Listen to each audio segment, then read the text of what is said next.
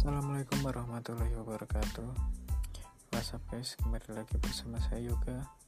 Di sini saya akan membawakan berita tentang pelantikan Puan Maharani sebagai anggota DPR yang menjadi polemik besar di kalangan warganet.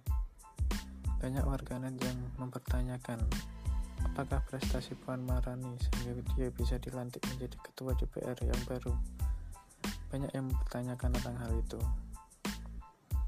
Banyak warganet yang berkomentar tentang apa yang apa saja yang telah dilakukan Puan sebagai Menteri Pembangunan Manusia dan Budaya. Akan tetapi, ada pula yang mendukung Puan Maharani sebagai ketua DPR.